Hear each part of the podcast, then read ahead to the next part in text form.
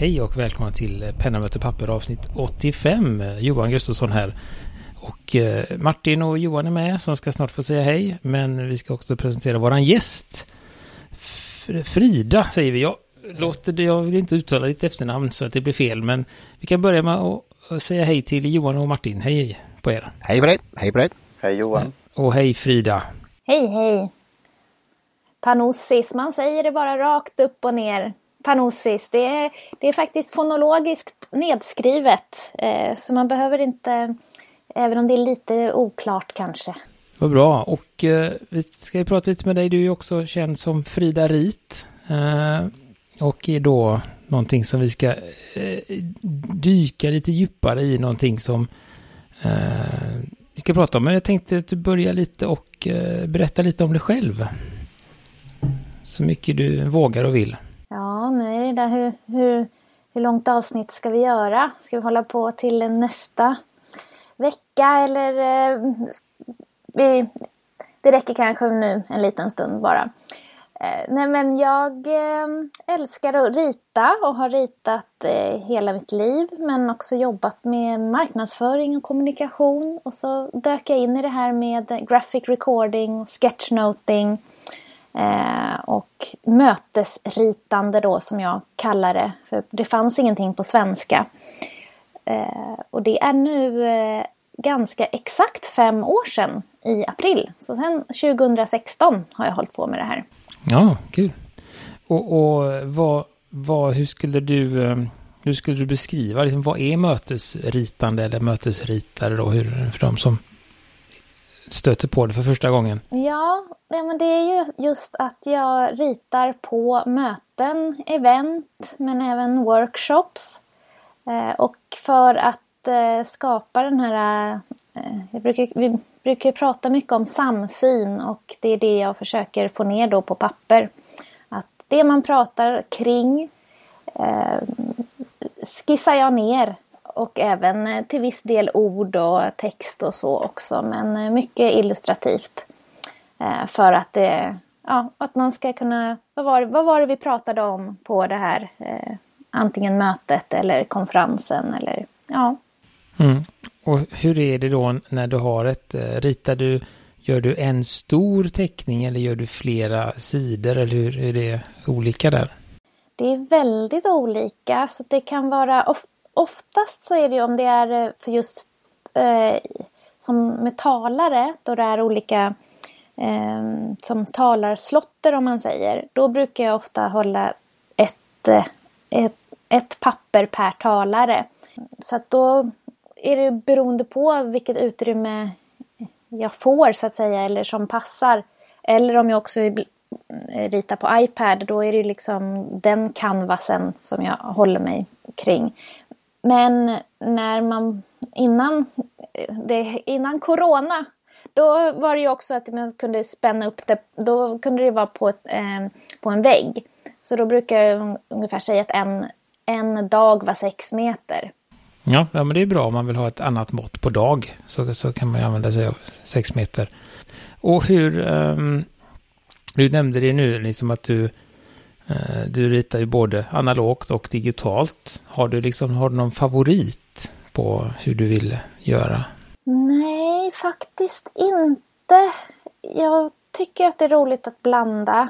Eh, just att det, det är ju olika känslor. Jag tänker just det här penna möter papper. Det är ju alltid en annan sak. Det här liksom lite raspet och att man hur pennan reagerar på papper. Och eh, det är ju lite mera kanske liksom äkta kan jag ju känna när, man, när det är på papper. Och inte heller, alltså på iPad då kan man ju också sudda på ett helt annat sätt. Så att det är ju olika utmaningar. Men eh, ja, nej jag kan inte säga att jag har en favorit faktiskt. Jag tycker att det är roligt att blanda och göra olika. Och hur eh, har du, eh, kan du berätta lite mer om liksom, som fördelar och nackdelar när, när det gäller analogt och, och digitalt?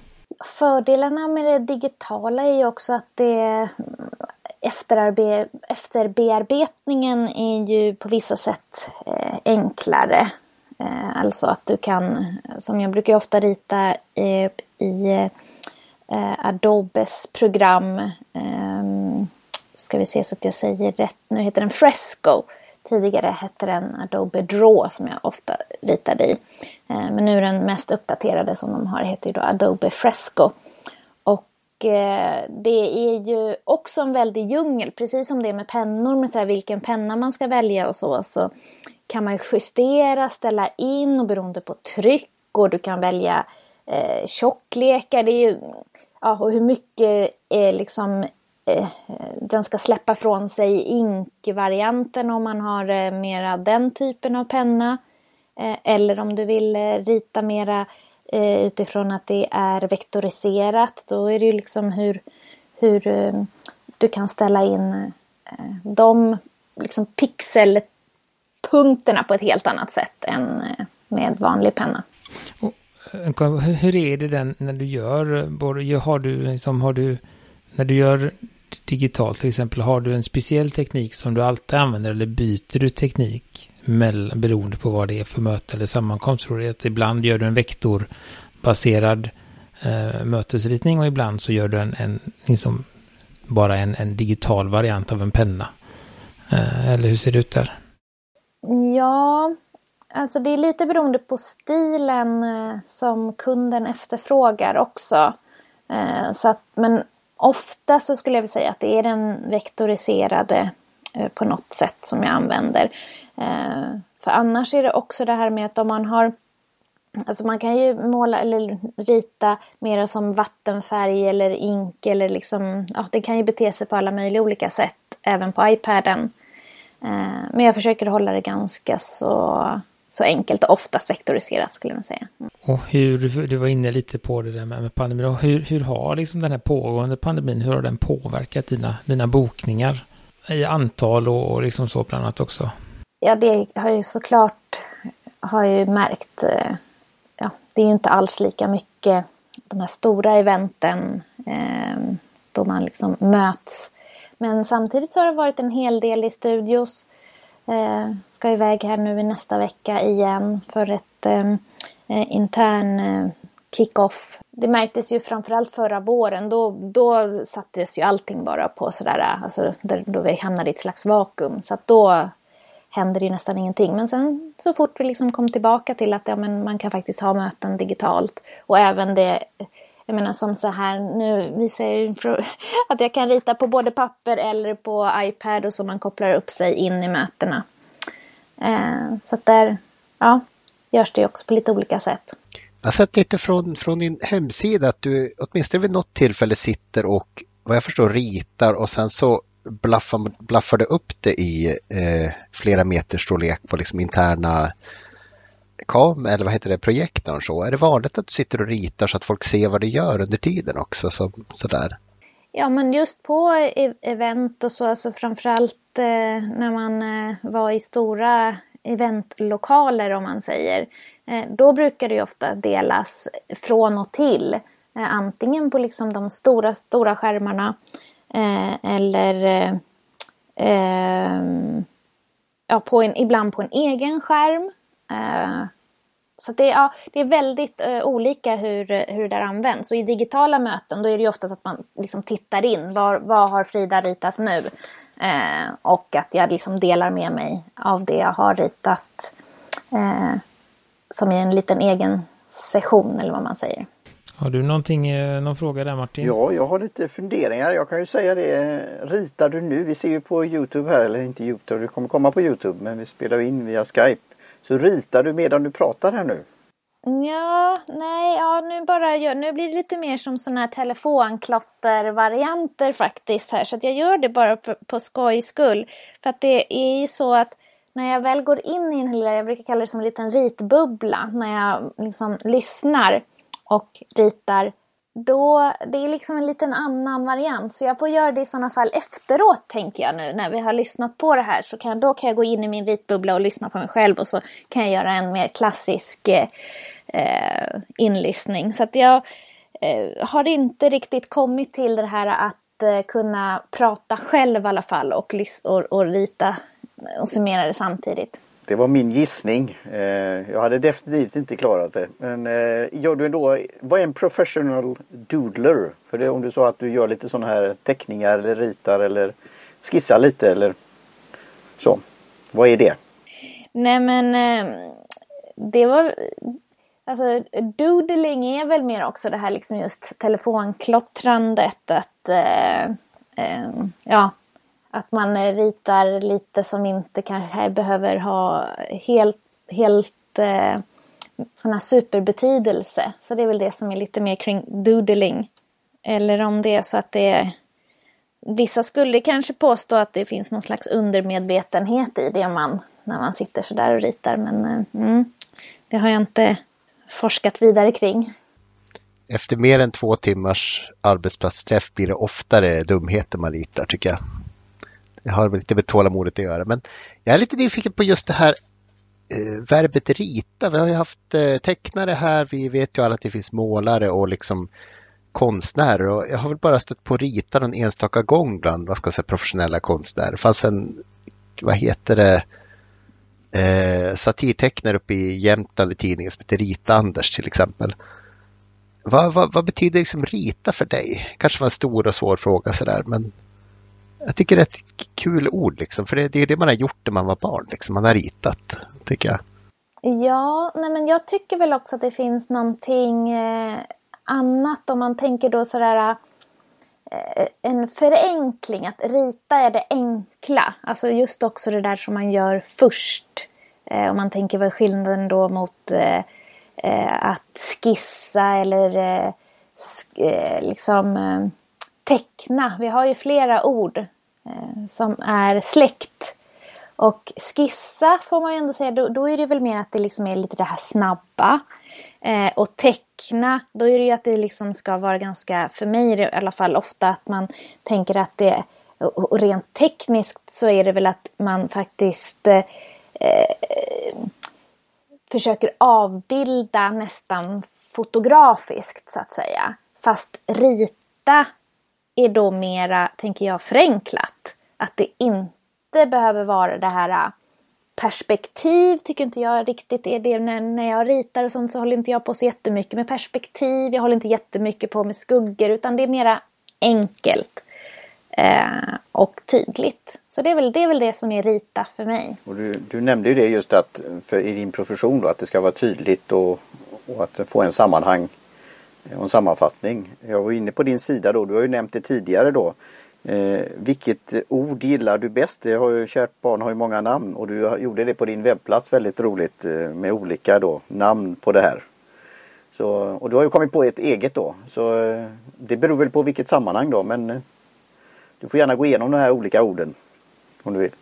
Ja, nej men alltså det finns ju framförallt på engelska så har vi ju eh, eh alltså just eh, paraplynamnet är ju Visual Thinkers eller Visual Practitioners. Så vi har ju faktiskt en, eh, en liten intresseorganisation dessutom som heter International Visual Practitioners. Vi som då jobbar med graphic recording eh, och graphic facilitation eller som på svenska då grafisk facilitering eller grafisk eh, eh dokumentering. Och jag tycker väl att båda de är liksom... Det här ska vara enkelt och eh, förenkla. Och då tycker jag att det blir på något sätt kontraproduktivt av att ha konstiga ord kring det som ska vara någonting enkelt. Eh, så därför så tyckte jag väl att mötesritande... Ja, grafisk facilitering, det låter som någon, någon kreativ städtjänst. ja, det är liksom... Är Ja, det blir, jag vet inte, det är någonting väldigt krång, tillkrånglat som jag då inte tycker passar. Eh, men sen har man ju faktiskt också det som då kallas eh, eh, scribing. Och det pratar man mycket om i, eller liksom att man är en scriber. Eh, och det kommer ju faktiskt från någon så här urgammalt liksom sketch, sketch. Gud, jag måste nästan säga rätt härifrån. Jag måste fusk titta i min bok var det här uh, scribing kommer ifrån. Men det är i alla fall väldigt uråldrigt gammalt. Så är det... Är det som scribble latin? också? Skriv, skriver är ju Ja, men skriva på precis. latin. Exakt. Att, eh, jo, eh, från eh, chest. Det var någon sån här liksom ur... Eh, eh, scribes in the Egypt kept the real story of what happened. The word for the role was chest. Chest. Eller ja. Alltså att i Egypten så fanns det då en, eh, en sån som Tecknade ner saker som... Ja. Ja, men och gjorde de här hieroglyferna och det antar jag. Mm. Eh, och Det var ju lite som att rita kan man säga i början. Får man säga det här och föra bok. Att det är ju någonting väldigt uråldrigt också. Och jag brukar ibland eh, eh liksom gå tillbaka så, till den här liksom, är det 300 nej 30, ja. Herrans massa år eh, då man hittade de här grottmålningarna i Frankrike till exempel också. Att det är ju också så här, eh, när någon frågar om det här är en väldigt ny grej, då brukar jag hänvisa till grottmålningarna. Eh, att man har försökt berätta historier och få ner dem under väldigt många år. Men jag, du, du nämnde lite i början där att du, du, att du har ritat länge, men när började ditt intresse för, att rita och, och teckna eller hur, man, hur nu avancerat man vill göra det? Alltså jag har ju allt, alltså precis som väldigt många barn så tyckte jag att det var väldigt roligt när jag var, när jag var liten. Så kunde jag ju liksom sitta och rita och rita och egentligen alla möjliga olika typer av kreativa grejer. Um, så att, uh, ja, sen har det väl alltid följt med mig um, även under när jag liksom pluggade på högskolan och sånt där. Alltså, jag, jag kommer till exempel ihåg ett jättetydligt minne från när uh, jag läste ekonomi och så var det en av det, eller vad heter det, en kurs som var statistik. Och jag kommer ihåg han som höll den här statistikkursen också. Jag vet inte om ni kommer ihåg den här berömda Ipren-reklamfilmen. Den här Ipren-mannen. Han, såg, han var precis som honom. Eh, och jag klarade liksom inte riktigt av det här med statistik. Alltså det var för tråkigt. Så jag vet att jag har liksom hela den kursen var en enda... Jag bara ritade massa små konstiga grejer genom hela den kursen. Så att det var inte... Det är ett recept där Frida. Istället för att ta en huvudvärkstablett så kan man rita, rita av sig. Det, Ja, men exakt. Ja, det kan vara så. Iprenmannen var väl lite som ett cirkeldiagram med ben ungefär här för mig. Ja, så ja, ja lite så. ja, det är kul. Och, och du har väl kurser i det här också som vi kan eh, fortsätta den här eh, traditionen av att eh, scribble down. Ja, absolut. Nej, men det har jag. Kommer faktiskt nu bara i, ja, i nästa vecka ha en fortsättningskurs kommer komma ut. Så att för jag har, brukar ha en, en grundkurs som går eh, lite då och då. Eh, men nu så kommer det även bli en som handlar mer om symboler. För inom graphic recording, och det här är inget som jag har hittat på, så brukar man prata om sju element. Att man eh, ritar gubbar, eh, personer, eh, pratbubblor, eh, kring textning och färg, pilar och processer. Nu vet jag inte om jag kommer upp i sju här nu, där någonstans. Ehm, så det är liksom lite grunden som man brukar gå igenom. Eh, Men sen blir det ju att man ska komma på de här flera eh, och, och Det är ju bra för vi har ju pratat om det tidigare just den där eh, tröskeln att komma över något sånt där att våga rita. Nej, men det är faktiskt det roligaste från när folk har gått kurser. Att, och det är roligt, jag har eh, många som Typ, eh, brukar så här, eh, eh, modigt anmäla sig. Så säger de att ja, men jag kan inte, fast jag vill så gärna. Nu får vi se, du kommer, det här, får se om du kommer, om hur, det, hur det kommer gå. Men eh, eh, så när de har fått en och en halv timme med mig så brukar de faktiskt kunna tycka att så här, nej, titta, wow, nu kan jag. För att det finns sätt att eh, lära sig. Jag vart lite sugen här, men har du några workshops där ni tittar på någon alltså presentation och sen så gör ni utifrån samma material en tolkning och liksom bara för att se hur folk, hur folk har tänkt tidigare och liksom eh, lockas att angripa samma problem från flera sätt så där också då? Ja men precis, det är faktiskt det som vi kommer ha i den här kommande eh, som liksom blir steg två. Att eh, alla kommer få eh, lyssna på Din statistikkurs kommer de få lyssna på. Ja precis. Ja. nej men det kommer, jag kommer ta något TED, TED, TED Talk. Sådär som, eh, och så får man se hur alla olika um, kommer rita ner. Det. För det är ju faktiskt väldigt spännande när jag har gått på vidareutbildningar själv och man har liksom, då kan vi vara 15 eh, olika eh, scribers då, som, eller ja, visual practitioners. Eh, och att just se hur det blir verkligen 15 olika tolkningar. Så att man har ju alltid tolkningsföreträde, den som eh, håller i pennan. Lite kul det där. Nu, nu kanske vi kommer in på något helt annat som inte handlar om pennor och papper och sånt där. Men det är just Alltså just det här, allt det visuella som man tidigare fick kämpa, jag är så gammal så mina lärare hade ju overheadpapper som de trots i sin tur 30 års övningar inte kunde riktigt lägga på på sin overheadprojektor riktigt sådär. Men det har blivit så otroligt lätt att producera slides och bilder och slänga på så att det, det jag vet inte, jag tycker inte alltid det är bättre alltid. Jag tycker den som pratar kanske ska fokusera på att prata tänka, tänka tre, fyra gånger, prata och sen liksom vara lite sparsam med illustrationer tycker jag ibland. Det kan nästan vara den bästa föreläsningen att gå på. Någon som, någon som bara koncentrerar sig på att säga. Och så kan man kanske låta någon annan sköta, sköta det grafiska efteråt. Det, det, är väl det Frida som är ett av de argumenten att just få den där sammanfattningen. Vad var det vi lärde oss nu eller vad, vad var det? Framförallt om det är så kallat vi, viktiga möten. Alltså inte bara underhållssyfte och det är ju kul i sig men det, det, är väl det att man tänkte då att både som du sa nu att rita och lyssna och prata i en, i en radiosändning eh, som vi skojar. Jag såg ju en bloggpost du hade där när du hade varit med på radio. Eh, och någon hade sökt efter dina, eh, ditt område och sånt där. Så jag, det, det, är väl ofta det att vi är på ett möte eller konferenser att du, ja men vad var det, vad var det som sades och, mina, och titta på anteckningar då. Och sen eh, fundera på vad var det nu egentligen? Att, att ha någon då en gemensam bild. Sen har man ju som du säger en tolkningsföreträde då men då har man ju ett, ett sammanhang och en summering på något sätt. Jag tycker det borde vara en jätte ett fint eh, verktyg.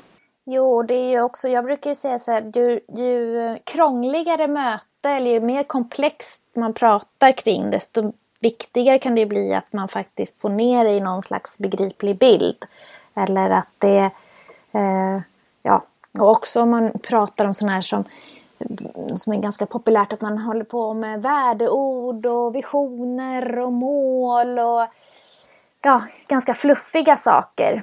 Eh, att eh, då ja, vara med och tillsammans också bara tänka lite mer i bilder än i eh, traditionell text.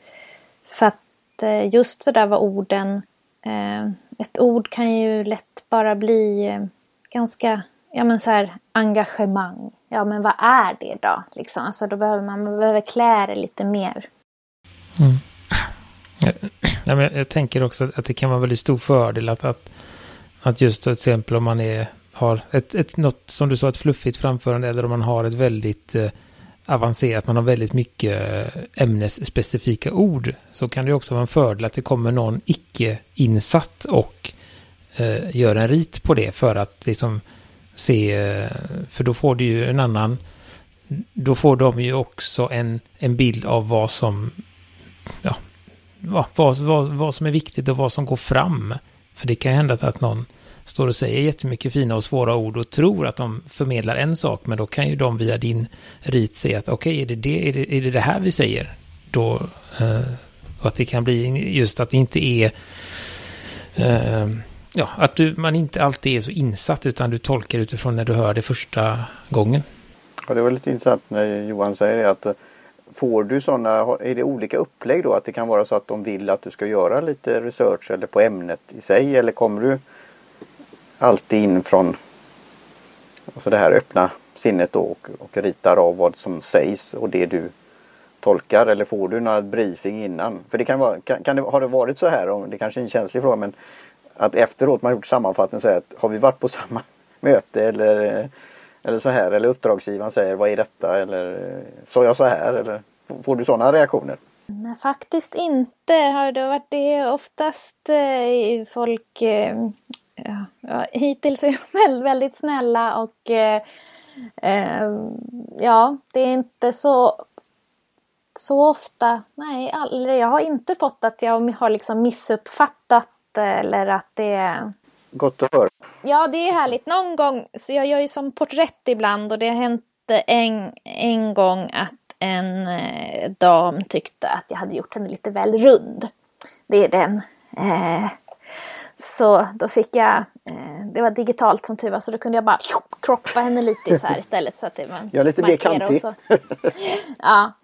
Ehm, men eh, annars är det ju så att jag är väldigt komplexa, eh, eller så här om, i vissa lägen kan ju kunden vara ganska liksom, noga med att vissa saker ska komma med. Då, har jag, då får jag ju alltid, jag har ju alltid en sån brief med kunden att okej, okay, är det några särskilda eh, ja, det kan vara till och med citat eller eh, eh vissa ord eller ja, saker som de vill ska vara med.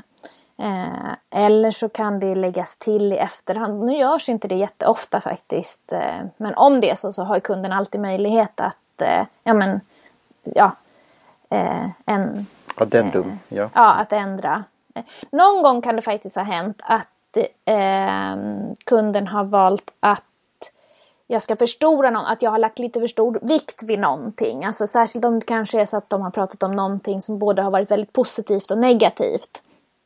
Eh, och då kanske jag har viktat det lika mycket så att säga. Alltså att de, ja, att de pratade om det lika mycket. Eh, men då kan det vara så här, kan det dra ner det här som var lite negativt? Eh, göra det lite mindre. Då är det ju bra också att det är digitalt för då kan man ju bara så markera det och så, så kan jag liksom göra det lite mindre och så det här det positiva som de ville ha så eh, drar man upp, har jag dragit upp det lite större då. då. Så det, ja, det har faktiskt hänt.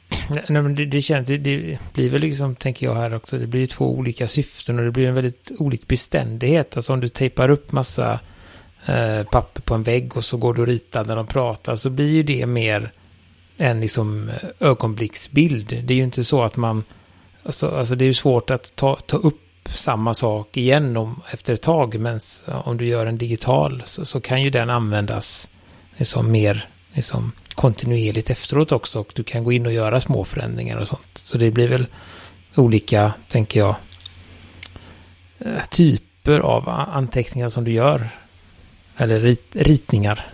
Ja, ja absolut.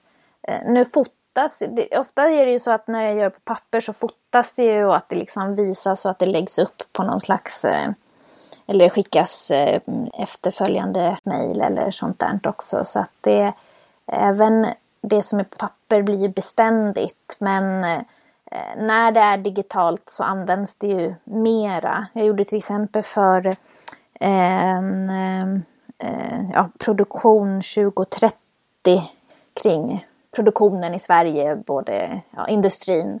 Och då hade de ju det ritade, det jag ritade därifrån i deras årsredovisning och i någon slags magasin efteråt. Ja, de var verkligen jätteduktiga och använde det eh, väldigt flitigt. Så att det, det är lite olika ja, hur, det är coolt att höra. Hur, hur man använder det. Ja, jag, jag märker ju, alltså, som då jobbar med nya medier, att just som illustrationer och använda i olika sammanhang. Eh, det kan vara bloggposter, det kan vara i, i många sätt. Så jag, jag, tycker det verkar vara som en intressant sak. Det kom, poppade upp här, jag, jag ser sådana här ibland videos och de gör en sammanfattning till exempel av en bok och så är det någon som ritar samtidigt som någon pratar.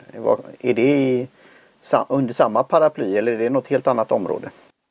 Det är släkting till det hela. Eh, så att eh, det, det är sånt som jag också gör. Då brukar man väl kalla det för mer som videos scribe eller video timelapse eller ja, på svenska finns det inget riktigt vettigt eh, men ja, Film, filmrit. Får man väl kalla det då. då. Mm. Mm, jag, jag funderar lite på det här eh, för att gå lite mer personligt på dig och inte så mycket på yrke. du säger att du, du, sagt, du har ritat länge. Du ritar ju i stort sett nästan hela dagarna tänker jag när du sitter i möten och sånt. Men, eh, och du ritar nu, nu och dollar när du lyssnar. Eh, trots att, som jag säger, trots att det är ditt yrke har du ändå den här ritningen och teckningen som, som avkoppling också som, som många Alltså många som jag till exempel som ofta sitter, som sitter mycket vid skärm och jobbar med en dator mycket. Jag tycker ju om att gå bort från det och rita eller teckna eller bara kladda för att liksom få en avkoppling. Har du, har du också det som avkoppling eller har du något annat sätt att koppla av från från ritandet? Ja, nu har det ju blivit, alltså förut var det ju så att jag mer kunde rita. Eh, det var så jag började faktiskt. Jag gjorde en liten egen, jag kallade den för yogarit. Det var så Frida Rit var inte först utan först kom yogarit. Då jag ritade en, eh, det var också när den här eh, boomen av ritböcker för vuxna kom. Och då vill inte jag, alltså det då, då, kände jag att nej, men jag vill inte hålla på sitta och fylla i en eh, fylla i något färdigt. Utan då gjorde jag liksom en egen ritbok, eh, bara också så svartvit. Eh, eh, ja, som, som för att fylla i.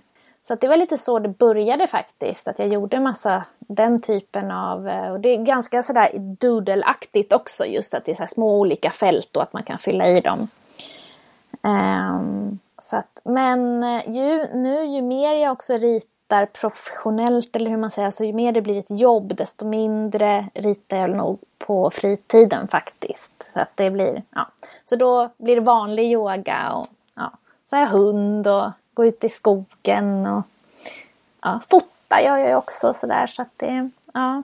Och hur är det, jag tänker, för, för det, eh, är du bara intresserad av själva liksom ritprocessen eller är, är, du också intresserad av, av materialet, alltså pennorna och papper? Eller kan du liksom, är det behov, förstår du eh, frågan om man säger så, är det bara rita som är kul eller tycker du det är kul med att testa olika pennor och utforska den världen och så? Nej men absolut så skulle jag vilja säga med att man, alltså att eh jag menar pen, pennor, alltså det finns ju, det är ju, det är ju så spännande med pennor.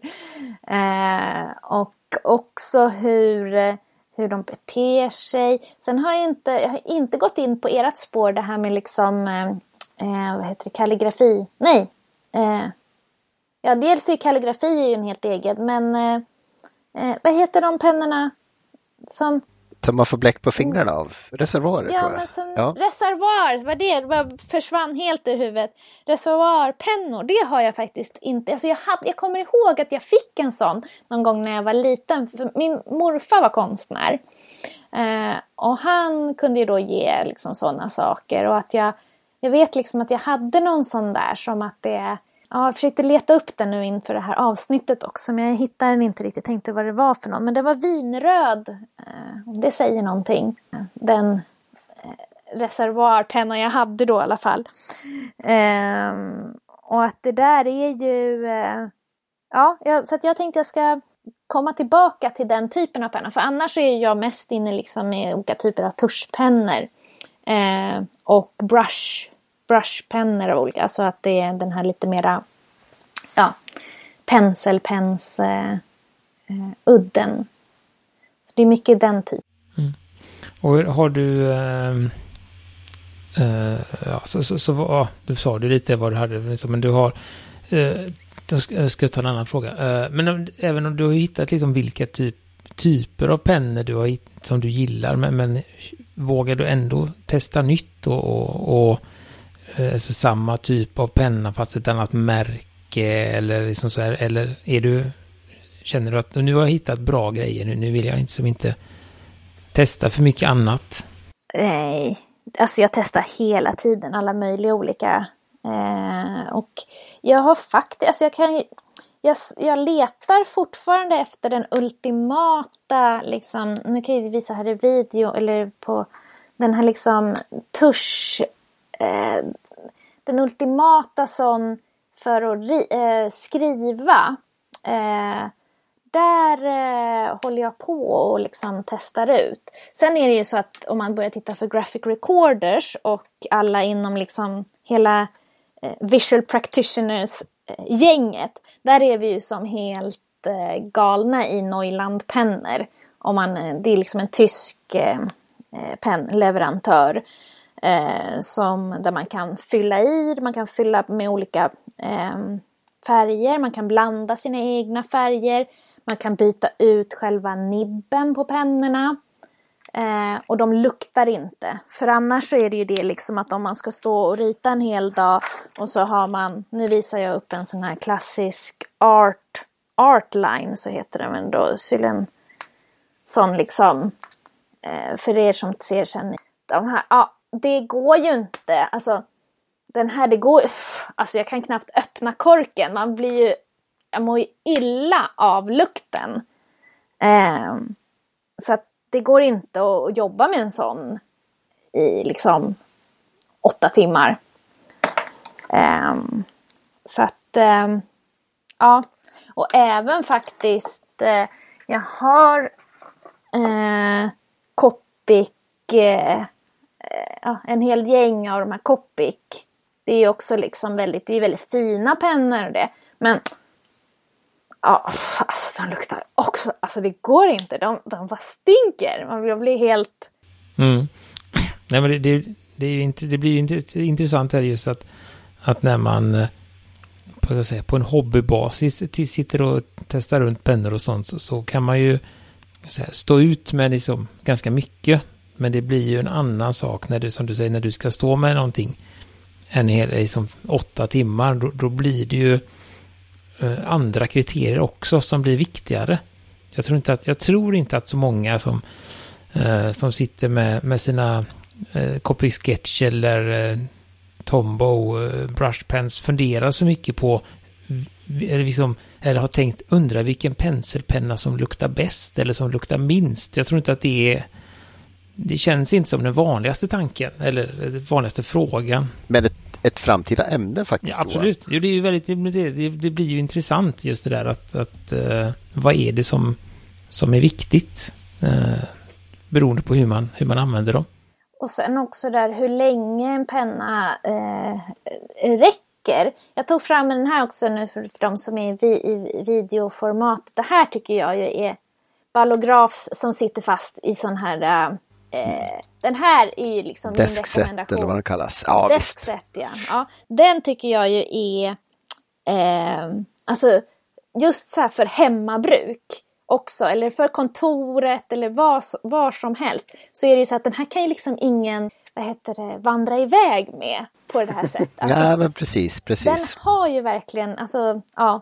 Och den är ju det här beständiga bläcket och den, den bara fortsätter ju skriva i evinnerlig tid. Alltså det är ju, och det är ju faktiskt, jag vet inte om ni har, vad heter det? Jag har inte pratat med ballograf ännu men vi hoppas väl bli framöver. För ballograf, det är ju väldigt intressant. Vet ni historien bakom eh, ball ballograf? Hur de, var, de kom, var de kommer ifrån? Så det var nog Göteborgs företag men jag vet så mycket mer. Ja, och de, och de är kvar i Göteborg. De var eh, flyktingar från andra världskriget. Så jag tror att de har judisk eh, härkomst eller om de bara flydde av annan, annan orsak. Men de flydde till Sverige i alla fall och sen startade upp då eh, Ballograf. Eh, och det är ju så att den här pennan, eh, den liksom klassiska, den eh, ehm, är ju egentligen, alltså för oss, vi, jag fick höra att vi i Sverige eh, har typ, köper mest slit och slängpennor i hela världen. Eh, för vi har liksom ingen riktig pennkultur mot skillnad mot liksom kanske Frankrike, Tyskland och övriga Europa och världen. Utan vi är liksom, en penna ska inte kosta någonting här. Utan det är bara, det är så gratis liksom. Eh, så att den här klassiska eh, ballograf, de är ju liksom alldeles för billiga i Sverige egentligen. Nu kostar den 45-50 kronor. Eh, men det är egentligen liksom en minst kanske 150 kronors penna eller någonting. Alltså ute i, i världen så säljs de ju för det för att för hur beständigt bläck och hur länge den håller och ja. Ja, jag tycker det där är jätteintressant och roligt. Eh. Alltså det måste ju, måste ju gå runt, men det måste ju fråga dem om vi får dem på tråden. Och de säljer för, för, med förlust i Sverige för att liksom få det och för att liksom behålla fotfästet. Ja, men det är alltid ja. så jag uppfattar det. Mm. Oj. För att... Mm. Jag skulle bara ja, eh, justera. De har ju länge varit i Göteborg, men det var ju en liten twist här i staden med Ballograf, så de har flyttat eh, tillverkningen till Filipstad. Sen ja, är det så det är nu? Ja de eh, kom inte överens. Jag tror det var något sånt där med hyran eller någonting med, med Göteborgs stad. Eller Göteborgs. Det var någon här. Så de bråkade så då sa de tack och hej. Ja, men de är kvar i Sverige i alla fall. Så att det, mm, ja, nej. Ja, men det är spännande att, eh, och också hur att det ändå är liksom en riktigt bra penna. Den, eller flera mm. av pennorna. Fantastiskt snygg också framför allt. Det är ju den snyggaste kulspetspennan. Jag har inget som riktigt jämförts med det i Gustafsson hade nosat rätt på någon kropp som var nästan lika bra, men det var liksom inte det var inte Ballografs enkelhet och ändå värme i plasten. Nej, och just det, de har ju funnits, det är det, de har ju funnits, för oss i alla fall, de har ju alltid funnits och det, alltid har liksom, pennorna ser likadana ut. Uh, så det, det, är också en liksom väldigt imponerande. Lite därför vi försöker faktiskt jaga fart på dem och få en intervju, för att det, det är ju ett eh, intressant och just att de ganska nyligen, för bara några år sedan, började sälja till USA. Att de inte har funnits där. De har haft, så att det, det är väldigt mycket spännande där. Uh, och där, som du sa, det, det tog som emot Folk blir tokiga i USA av, av de här pennorna. För att de är ju fantastiska. Uh, och här i Sverige så ser vi det som en, uh, ja, man kan väl, alltså det betyder ju inte så mycket här. Som du säger, vi har ju ingen penntradition så att liksom, det är inte så många som bryr sig om det är en ballograf eller en, en G2 eller vad det är en penna. Eller om det står något på den. Så att, uh, det är väldigt intressant. Ja, och också det här liksom hur eh, nej men, om man testar då, om man liksom tänker till. Hur länge kan man skriva med en, eh, en, en ballografpenna? Men gud, vad heter den här klassiska? Epoka. Epoka, ja. ja. Epoka heter den, precis. Hur länge man kan skriva med den till skillnad mot någon annan. Nej, nu hade jag inte ens. Men om man tar en sån här eh, ja, någon annan bara liksom re vanlig reklampenna. Det finns ett inlägg på LinkedIn där från, eh, som har skrivit just hur länge den räcker och historien som vi kommenterar där på olika sätt och vis. Så det, det är lite roligt. Så den, den, eh, den, den, kan vi se om vi kan länka till i show notes på något sätt. Till LinkedIn där. Ja, nej men det, det var, tror att det var ungefär det vi hade. Har ni något mer Johan eller Martin? Ja, jag skulle ju då med den här klassiska frågan. Vem skulle du vilja lyssna på i ett framtida avsnitt av Penna möter papper? Ja, då har ju jag faktiskt... Eh, nej men gud, nu måste jag ju säga rätt här. Fia-Lotta Design kallas hon väl?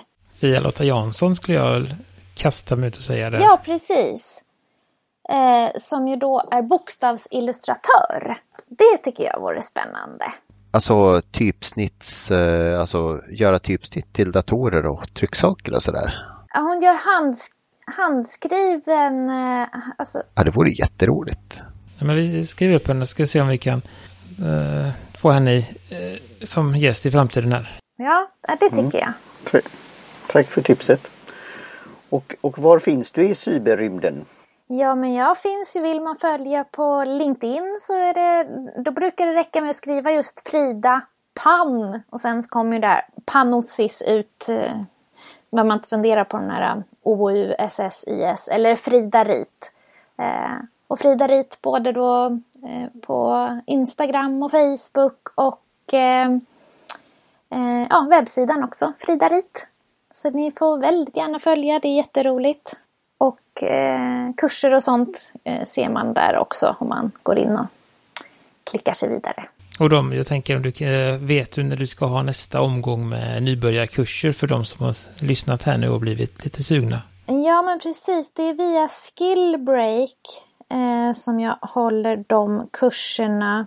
Eh, och nu beror det ju på när man tittar, lyssnar på det här då. då.